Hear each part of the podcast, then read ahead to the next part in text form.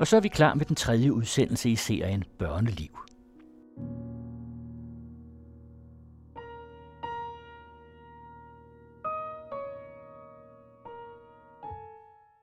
Han er et, øh, et irriterende øh, element, som altid er der. I min familie kalder vi ham Gud. Alle steds nærværende i vores familie. Vi kan sgu ikke sidde og tale særlig lang tid, inden at der på et eller andet tidspunkt kommer med noget med ham. Fordi han simpelthen har ødelagt hele vores familie, og, ja, og mig og min søster og min mor har brugt utrolig lang tid på at, at komme videre fra det og finde hinanden og, og tale om det. Muskelmotorer, der ligger en lort i deres liv, og ligegyldigt hvor de placerer sig henne, så er der et eller andet, der ikke er, som, som de kunne ønske sig, det kunne være. Det er en sorg i deres liv.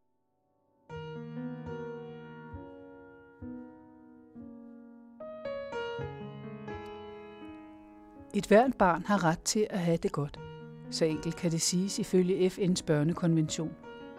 Men så enkelt er det ikke.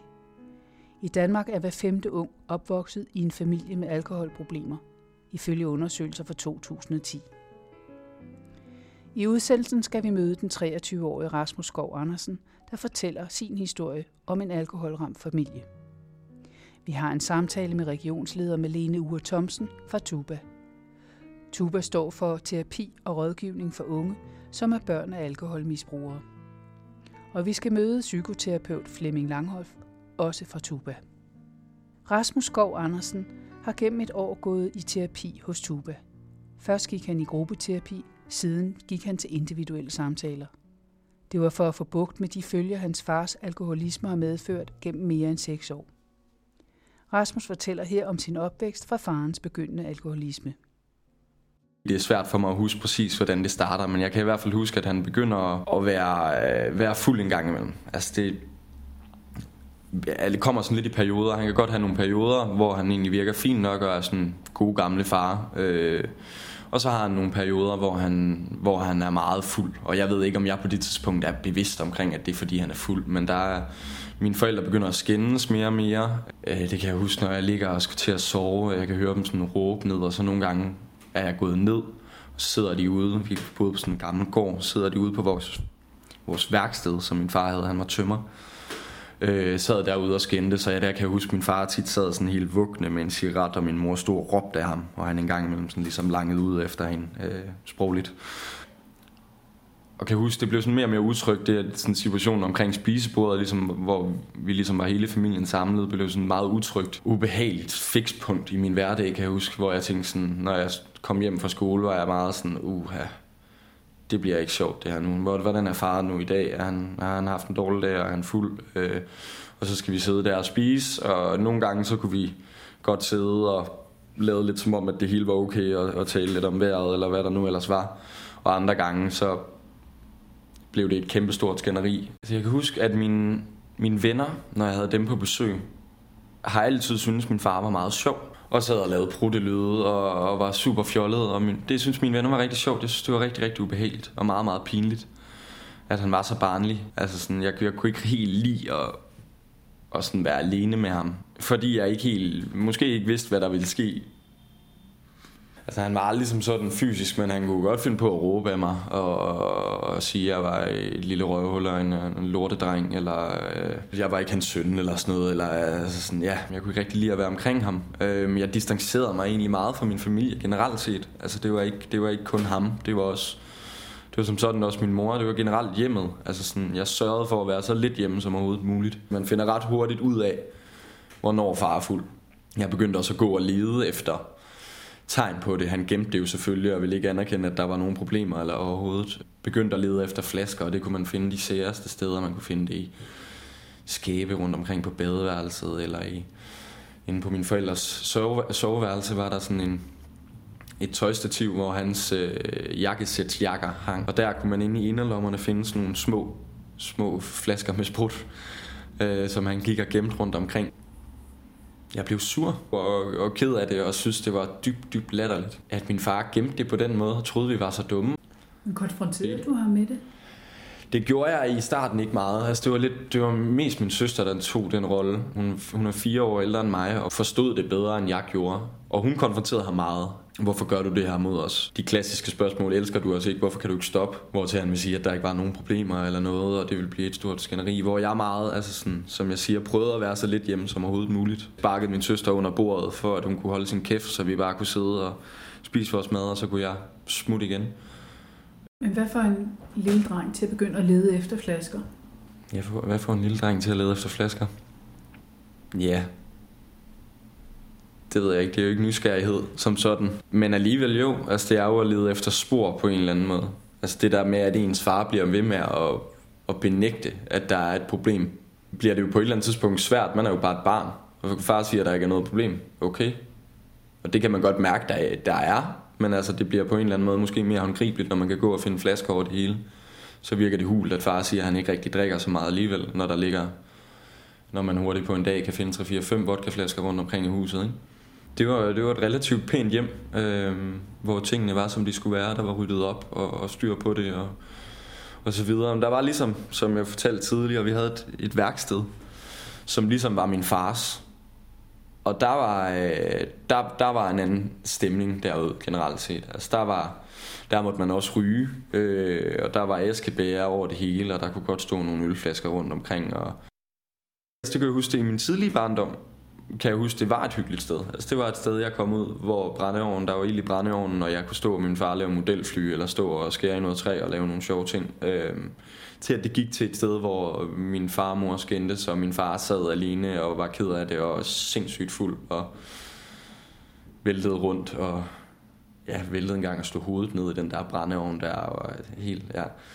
Så man kan godt sige, selvom der er sådan generelt set var der ikke orden. Altså, der var ikke, der var ikke øh, jo trygt eller ro i det, i det hjem der. Tuba er etableret i 1997 og drives af professionelle psykoterapeuter og psykologer. Organisationen tilbyder unge i alderen 14 til 35 år terapi, både individuelt og i grupper. Tuba er landsdækkende og har i dag 14 afdelinger, hvor de to største ligger i København og Aarhus. Malene Ure Thomsen, regionsleder i København, fortæller om den følelsesmæssige belastning unge oplever, når deres forældre har en eller anden form for alkoholmisbrug. Men nogle af de ting, som vores unge kan komme med, er jo skyld og skam. Øh, oftest har det jo været sådan, at der har været en forælder, der ikke har taget ansvar øh, for sit problem, og, øh, og så er der et barn, der så påtager sig skylden og ansvaret for det. Øhm, der er rigtig mange, der lider af depression. Der er mange, der lider af stærke symptomer på, på PTSD. Der er mange med stærke angstsymptomer. Der er rigtig mange, der har svært ved at fastholde job og uddannelse, og det er noget af det, som vi hjælper dem til at, øh, at kunne gøre. Og nogle gange er det nødvendigt, at vi laver en udtalelse eller ringer en studievejleder op og forklarer, at øh, der er altså en her, der har nogle udfordringer, og på den måde kan vi være med til at skabe lidt mere snor øh, på uddannelsesstederne i forhold til, at, at en ung får lov at blive, selvom det måske er svært at, at passe sine ting. Øh, så kan der være mange, der har svært ved at komme i job, få brugt deres uddannelse, svært ved at komme i gang med at leve deres eget liv. Mange øh, lider af ensomhed, øh, svært ved at øh, gøre sig gældende i sociale sammenhæng og søge fællesskaber. Øh, og kan måske isolere sig med mange af de tanker og frustrationer, man har, og have en følelse af, at man er den eneste, der har det sådan, og der ikke er nogen, der kan forstå en. Og øh, det er nogle af de ting, som især gruppeterapien kan hjælpe på vej, at man bliver hjulpet til at forstå, at der er faktisk rigtig mange, der tænker, som du gør, og der er, der er mange gode grunde til, at du tænker, som du gør, og har det, som du har det. Og øh, det er der faktisk dels nogle terapeuter, der kan forstå, men også en hel gruppe, der kan sætte sig ind i. Og det kan være enormt helende at finde ud af, at man faktisk er ganske normal, og det giver mening, øh, at man har det, som man har det. Øhm, og så vil man jo også gerne som barn have, at ens forældre har det bedst muligt og passe på sine forældre. Fordi hvis man passer på sine forældre, jamen så tænker man, at så er der også størst muligt øh, grundlag for, at jeg kan få det godt. Øh, så, så det er man jo meget optaget af som barn. Og, øh, og der kan man også som barn tro og tænke, og det er også det, man får videre sine forældre måske, at man ikke skal sige det til nogen, fordi det vil være at passe på sine forældre. Men i virkeligheden skal man jo tale med nogen om det. Øhm, men, men det kan jo godt føles skræmmende, og, øhm, og man kan være i tvivl om, hvad der sker, hvis man taler med nogen om det. Og Malene Ure Thomsen tilføjer, kun 6 procent af de unge, der kommer i Tuba, har oplevet at blive hjulpet af en lærer. Og 39 procent af de unge har aldrig talt om det før. Flemming Langhoff er psykoterapeut og ansat i Tuba. Han arbejder med unge i terapigrupper og individuelle samtaler, og her fortæller han om, hvordan de unge finder et sted som Tuba. Jeg arbejder primært med, øh, med de unge, der er 18 år op efter. Rigtig mange af dem finder selv herhen. Øh, lige så langsomt er, er flere og flere blevet gjort opmærksom på heldigvis, at der findes et sted som Tuba. Så man kan faktisk henvende sig selv, øh, for eksempel via vores hjemmeside. Der er sådan en kontaktformular simpelthen. Så der, det, det, det er primært sådan, de unge de gør. De skriver sådan lidt, jeg har gået og taget tilløb i flere år. Nu tror jeg måske, at tiden er ved at være der. Jeg troede, at jeg ville få det bedre, når jeg flyttede hjemmefra, men jeg synes, livet er svært. Det går ondt. Så inviterer vi dem ind til en forsamtale. Det gør vi øh, i løbet af det næste par uger efter, de har henvendt sig. Og det er en øh, forsamtale, hvor vi sådan lidt snakker med dem om, øh, lidt om deres historie selvfølgelig, hvad kommer de fra, øh, og lidt om, hvor de er henne i livet i dag. Og i det omfang, de er bevidste om det, hvad de kunne håbe på at få hjælp til i Tuba, hvad de kunne ønske sig var anderledes, når de var færdige med deres forløb herinde. Er det så nogen, der aldrig har været i terapi før? Det er meget blandet. Der er en del, der har, der har været for eksempel hos skolepsykolog, eller har været i selvbetalt terapi som, som ung voksen, eller så videre. Og nogen kommer fuldstændig grønne herinde, men så må sige, at de har aldrig snakket med nogen om det her før, simpelthen. Øh, men har så hørt om os via medierne, eller fundet os selv på, på, på nettet. Øh, og noget af det, vi snakker med dem om øh, til forsamtalen, det er også, øh, hvilket af vores tilbud, der vil passe dem godt der er lidt ventetid på vores tilbud herinde, men der er noget, de kan gå i gang med ret hurtigt. Vi har blandt andet sådan nogle øh, drop-in arrangementer, kalder vi dem, hvor man kan møde op, øh, hvor det er også medarbejdere, der arbejder herinde, der underviser i, hvad, hvad, hvad synes vi typisk, vi møder for problematikker hos de unge, der kommer herinde. Så det er sådan forsøg på det, man kalder psykoedukation, sådan en forståelsessammenhæng, sådan lidt, hvordan er det typisk, vi mennesker reagerer, når noget det er i underskud i vores i vores opvækstvilkår. Øhm, så det kan man komme til ret hurtigt. Vi har også samtidig caféaftener, hvor der er foredrag og sådan noget. Selve terapiforløbet, der skal de sådan typisk vælge mellem, om det skal være, eller de skal være med til at vælge mellem, om det skal være individuel terapi eller gruppeterapi. Og vi oplever heldigvis, at rigtig, rigtig mange gerne vil gruppeterapi. Øhm, og det er også et rigtig godt tilbud. Øh, det, det, det er et stærkt tuber-tilbud, kan man sige. Øh, man kunne godt måske tro, at det var for, at man argumenterede for stordriftsfordele for så mange grupper som muligt, men det viser sig faktisk for vores målgruppe, at det at komme i gruppe sammen med andre jævnaldrende er voldsomt vitalt og vigtigt for dem, simpelthen. Der er sådan hele det der, det modsatte af tabu. Man kan sige, tuba, det det modsatte af tabu. Det her med at komme ind og begynde at snakke om, hvordan var det egentlig for mig, simpelthen. Det er det, at, at gøre det med jævnaldrende, som bare ved, hvad det er, man snakker om, simpelthen. Jeg tror, der er rigtig mange, der har en oplevelse af, at det kan være rart at have en, en, en sød og forstående faster eller en god veninde eller sådan noget, men hvis man ikke selv er vokset op med en mor eller en far, der har drukket, så er det måske heldigvis, han er sagt, ret svært at sætte sig ind i, hvad der egentlig er, hvordan det, hvordan det, hvad det gør ved en simpelthen. Så der ved forsamtalen, der beslutter vi så, om de kommer på ventelisten til gruppeterapi eller, eller til individuel terapi. Og så, øh, når de er ved at være øverst på ventelisten, så begynder vi at sammensætte grupperne simpelthen. Øh, det gør vi blandt andet ud fra kriterier. Øh, om, altså, primært kan de blandes rigtig godt. Det kan godt være, at grupper er forskellige, men vi har nogle kriterier, som vi kigger på. For eksempel, hvis den unge har mistet en forælder til, øh, til misbrug, altså en far eller mor død, så er, det, så er det rigtig godt at hjælpe, som hvis vi finder en eller to andre, der også har oplevet det samme, så man ikke sidder alene med det. Det kan også være det selv at være blevet forældre øh, som også giver nogle specielle problematikker, hvor det er rart, at man ikke sidder alene med det i gruppen, men der er nogen, man kan sådan spille bold op ad. Det kan også være, at man har været udsat for vold, for eksempel. Det er også svært at sidde med alene. Så vi har sådan nogle kriterier, hvor vi går ind og kigger på, når vi sammensætter grupperne, at hvis det er overhovedet muligt, at vi så øh, sætter dem sammen med andre, der har en, lignende problematik. Kun ca. 25 procent af de unge, der kommer hos Tuba, er drenge. Traditionelt er det nemmere for piger at tale om deres følelser og oplevelser.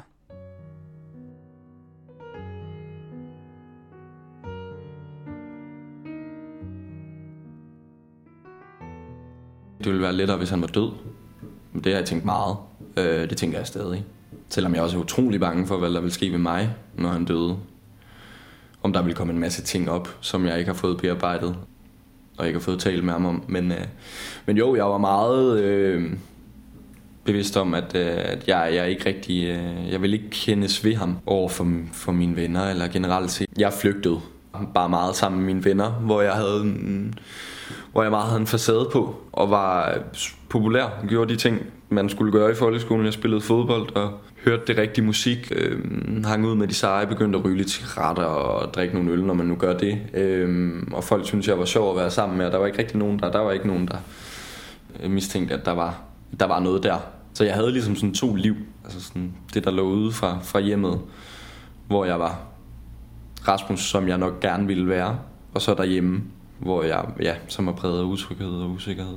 Jeg tror, jeg har været så dygtig til at holde den facade op. Det tror jeg, der er, det tror jeg, den overvejende del af børn i min situation er.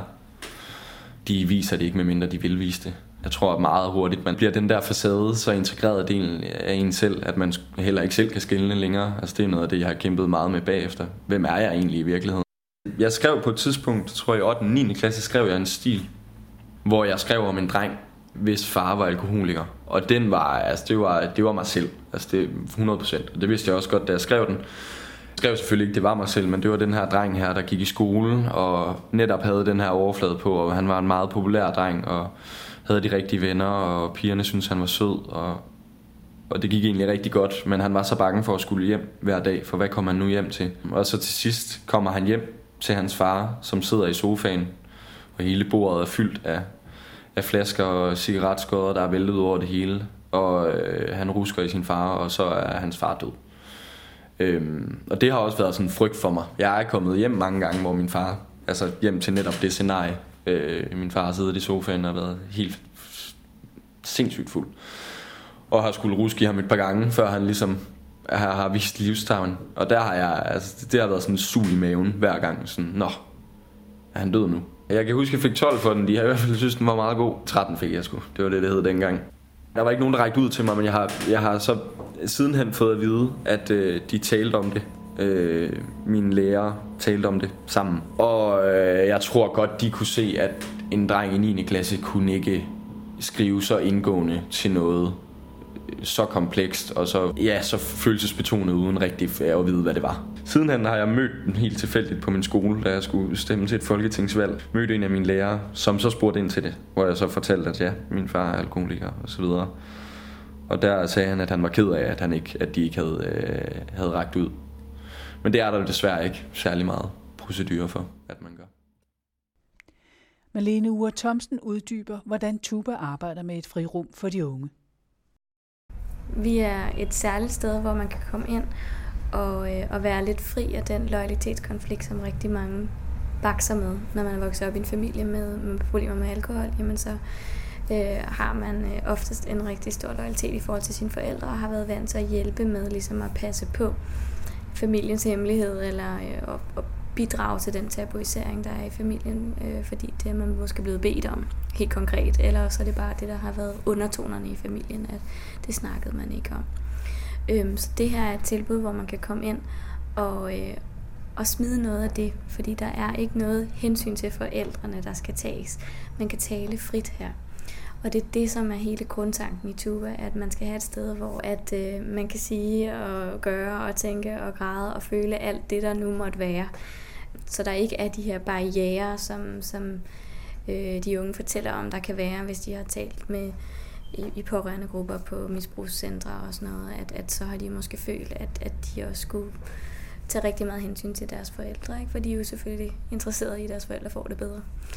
Øhm, så det er klart, at man derfor gerne vil, vil være god ved sine forældre og, og på bedste vis øh, skabe de bedste forudsætninger for det. Ikke? Men det kan så stå i vejen for, at man egentlig fortæller om, hvordan man har det og hvad det er, der er svært for en. Flemming Langhoff fortsætter med at fortælle, hvad der ligger i selve psykoterapien. Min opgave er rigtig meget at sørge for, at gruppen kan fungere simpelthen. Jeg skal hjælpe dem med det, de har svært ved selv. Det kan fx være uenighed, øh, at sætte grænser i gruppen osv. Så hvis ja. de har svært ved det ude i livet, så vil de typisk også have det i, i gruppen. Så det er sådan meget kig på gruppen, som at hvad, hvad er det, de har, hvad er det, de har svært ved lige nu? Hvad er det, jeg, jeg kan hjælpe dem med, eller gøre tydeligere for dem? Simpelthen, men, at, men at være med til at skabe det her rum, hvor de, kan, hvor de kan dele erfaringer, hvor de kan snakke om det, der er svært, hvor de kan få forløst nogle ting, hvor de kan møde genkendelse og spejling og så videre, sådan lidt, og sådan lidt at være sådan en, en, en første tjener for, at det kan ske simpelthen. jeg bliver tit spurgt om det der med, hvordan jeg kan bære det, eller om det ikke sådan river ind ned under gulvtæpperne og sådan noget. Den, den side er der jo også. Det er jo nogle meget, meget gribende og, og meget triste og sørgelige historier, vi hører om. Husk på, jeg ser jo også helt den anden side. Jeg ser jo også den der side med, hvor, hvor livfuldt det er for dem, at, at, øh, at, kunne, at kunne føle sig forstået, at måske for første gang nogensinde i sit liv, og sidde og fortælle om de her ting, selvom de er svære, selvom de er tunge, og det er jo også enormt smukt samtidig med. Og så kan jeg jo se gang på gang ugen på ugeplan simpelthen, hvilke syvmile skridt de tager, og hvor, hvor, hvor, hvor godt det er for dem at, at sætte sig selv i førersædet og, gøre, og de gør sig selv til den vigtigste person i deres liv, som måske for første gang nogensinde. Så de, de, de udvikler sig, de fleste unge kommer, de udvikler sig enormt meget, mens de går herinde, og det, det, det, det, det farver jo også det her med, at, at, at vi også sidder og hører meget voldsomme historier osv. Så det, der er enormt meget, øh, det er enormt meget håb, det er, meget, det er enormt meningsfyldt også. Ja. Det tror jeg, det er det, der fylder primært for mig.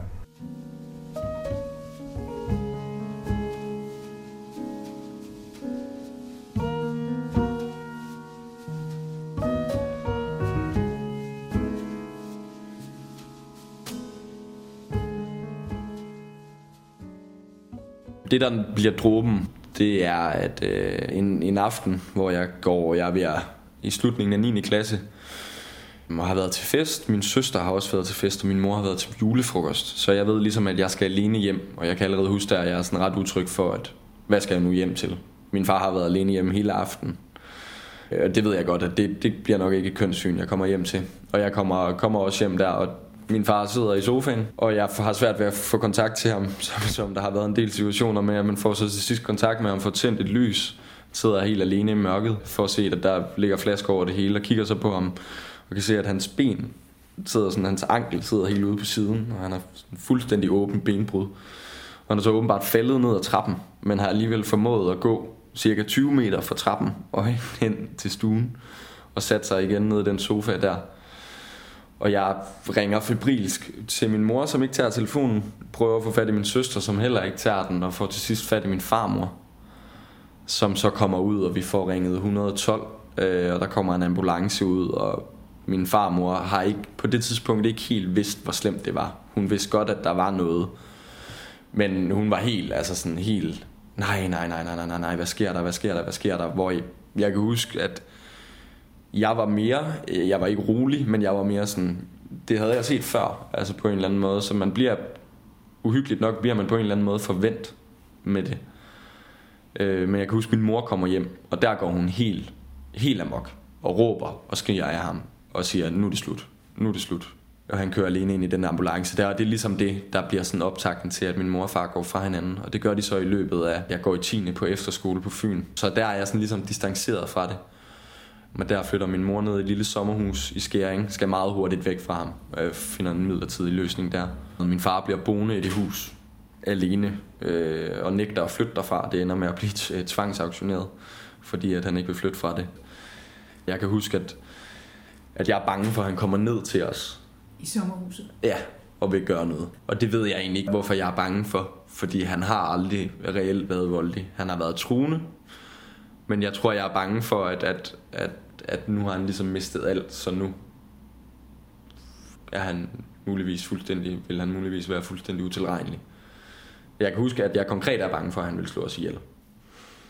Ja, men så, så det, altså det, det er sådan en rimelig ubehageligt brud, men helt klart også det bedste. Altså sådan, der kommer mere ro på dernede. Og det bliver ligesom en ny fase. Det der med at sådan ligesom komme væk fra min far. Så begynder jeg gymnasiet. Og jeg er stadig den der knæk der, som, øh, som er rigtig meget sammen med mine venner. Og begynder at gå rigtig meget i byen, det gør man jo, kan man sige.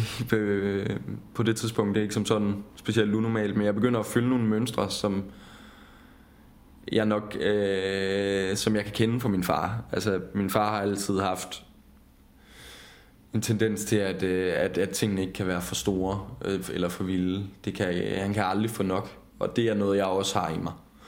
Øh, festen må altid gerne lige være lidt længere, og musikken må godt lige være den tak højere, og jeg kan godt lige drikke en øl mere, eller det skal være, være meget, meget vildt hele tiden, for ligesom at føle mig selv. Jeg ved, ved ikke helt, hvad det handler om, men det er lidt en teori. Øhm, og det begynder jeg at, ja, begynder at have sådan en rimelig destruktiv adfærd omkring det. Får ikke rigtig lavet mine ting i skolen. Jeg har jo rigtig meget fravær, har svært ved at stå op om morgenen, gider ikke rigtig noget. Og kan sådan mærke, at jeg bliver mere og mere trist på en eller anden måde, eller mere og mere, måske trist, jeg bliver mere og mere apatisk. Altså sådan noget af det, jeg kan huske, jeg har været sådan, jeg, jeg kan ikke forstå, at jeg ikke føler noget. Og det er så tit noget, der kommer frem, når jeg bliver fuld, hvor jeg sådan bryder totalt sammen og bliver fuldstændig hysterisk og tigger og beder mine venner om at, at hjælpe mig og sige til mig, nu skal du gøre et eller andet eller et eller andet. Og så vågner jeg så op dagen efter, og så er det ligesom, så gider jeg ikke alligevel, og så kan jeg godt klare det alligevel, og øh, tingene er alligevel fint nok, og folk, der er folk, der har det værre end mig og så videre. Det er først i 2G, at jeg får taget mig sammen til at gøre noget ved det. Er det dig selv, der skal gøre det? Altså, du har jo Ja. sagt det til en masse venner på din egen alder. Det kan godt være, at, at det, det har de også gjort flere gange, sagt, du sagde i går, eller du var rigtig, rigtig ked af det i går. Øh, men hvor jeg rimelig hurtigt har været sådan lukket ned for det. Og så er det jo svært i den situation, i den alder, over for en god ven, at sige, ja, kom nu. Så det, det er lidt noget, jeg finder ud af selv. Altså, men, men min søster, som er fire år ældre end mig, var selv startet et forløb i Tuva på det her tidspunkt, og havde været der et halvt år. Og havde i lang tid egentlig også sådan været sådan over for mig, skal der ikke, hvordan har du det? Øh, jeg har startet det her, der hedder ture her. Er det ikke noget, du måske lige skulle prøve at kigge lidt på? Øh, og jeg kan huske, at jeg måske går ind og lige kigger lidt på hjemmesiden og ser, hvad det er for noget. Men det slår jeg hurtigt væk som sådan noget øh, latterligt gruppeterapi-agtigt noget, hvor jeg skal sidde i en cirkel og fortælle om mine følelser, og det gider jeg ikke. Øhm, jeg tror ikke, der som sådan er noget bestemt episode, eller nogle, nogle bestemte ting, der lige gør, at jeg siger, nu skal det være. Men jeg får i hvert fald meldt mig til, til Tuba. Super skeptisk. Rigtig, rigtig, rigtig skeptisk. Øh, jeg havde ingen forventninger til det på nogen måde overhovedet. Ifølge Tuba er efterspørgselen stor overalt i landet.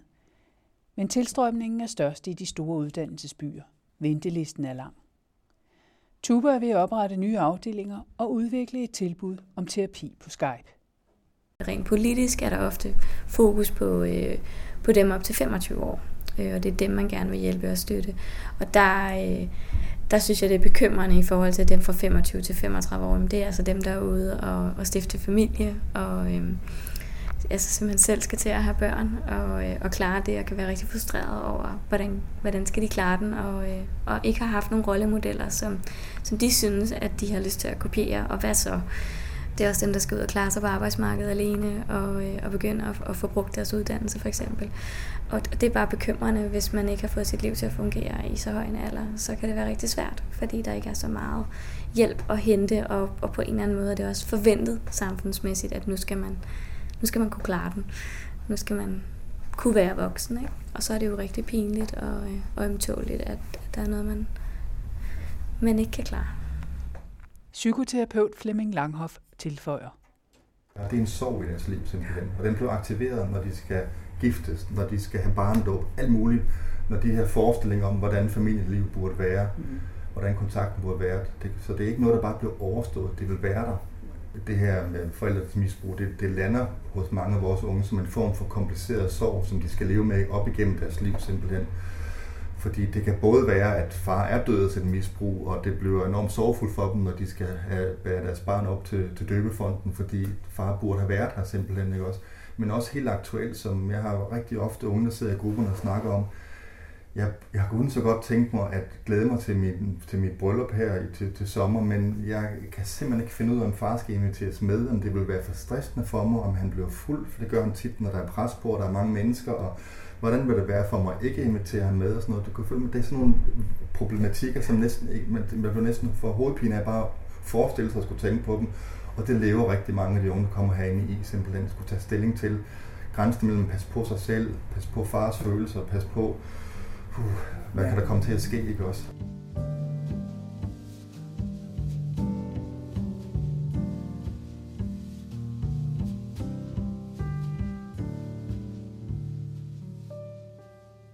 Min far er i dag stadigvæk alkoholiker og bor i en lille bitte lejlighed øh, i Skyby, lidt ude for Aarhus.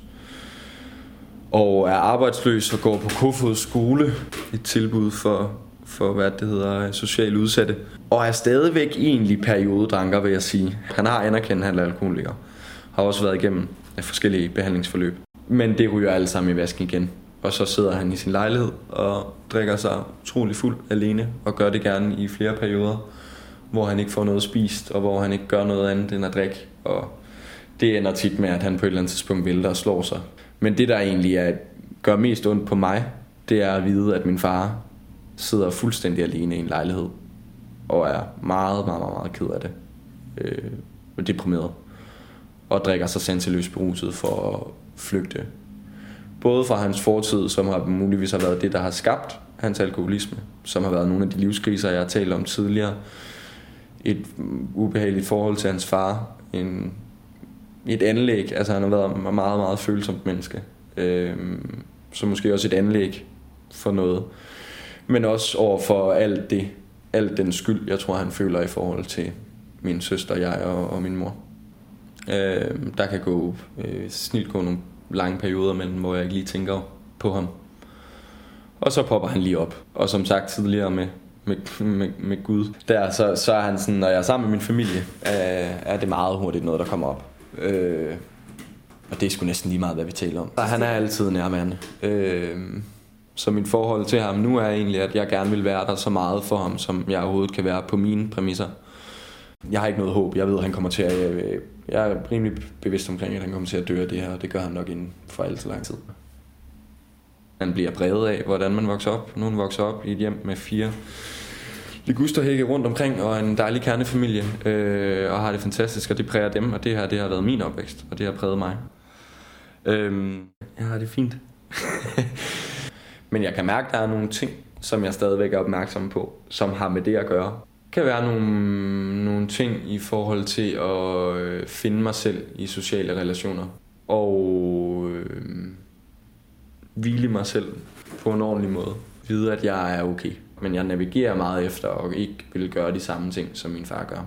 Og nogle gange føler jeg, at jeg gør de samme ting, som min far gør. Og når jeg gør det, bliver jeg bange. Der er en følgesvend, du ikke har inviteret med der. Ja, der er Gud, ikke? som er der i form af den frygt.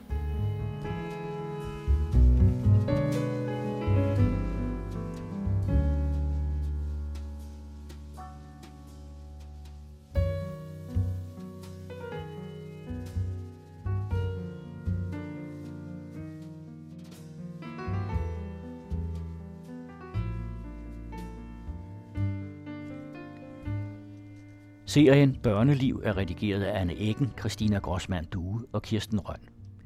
I den fjerde udsendelse går vi videre med børn og unges problemer i deres opvækst med alkohol i deres familier.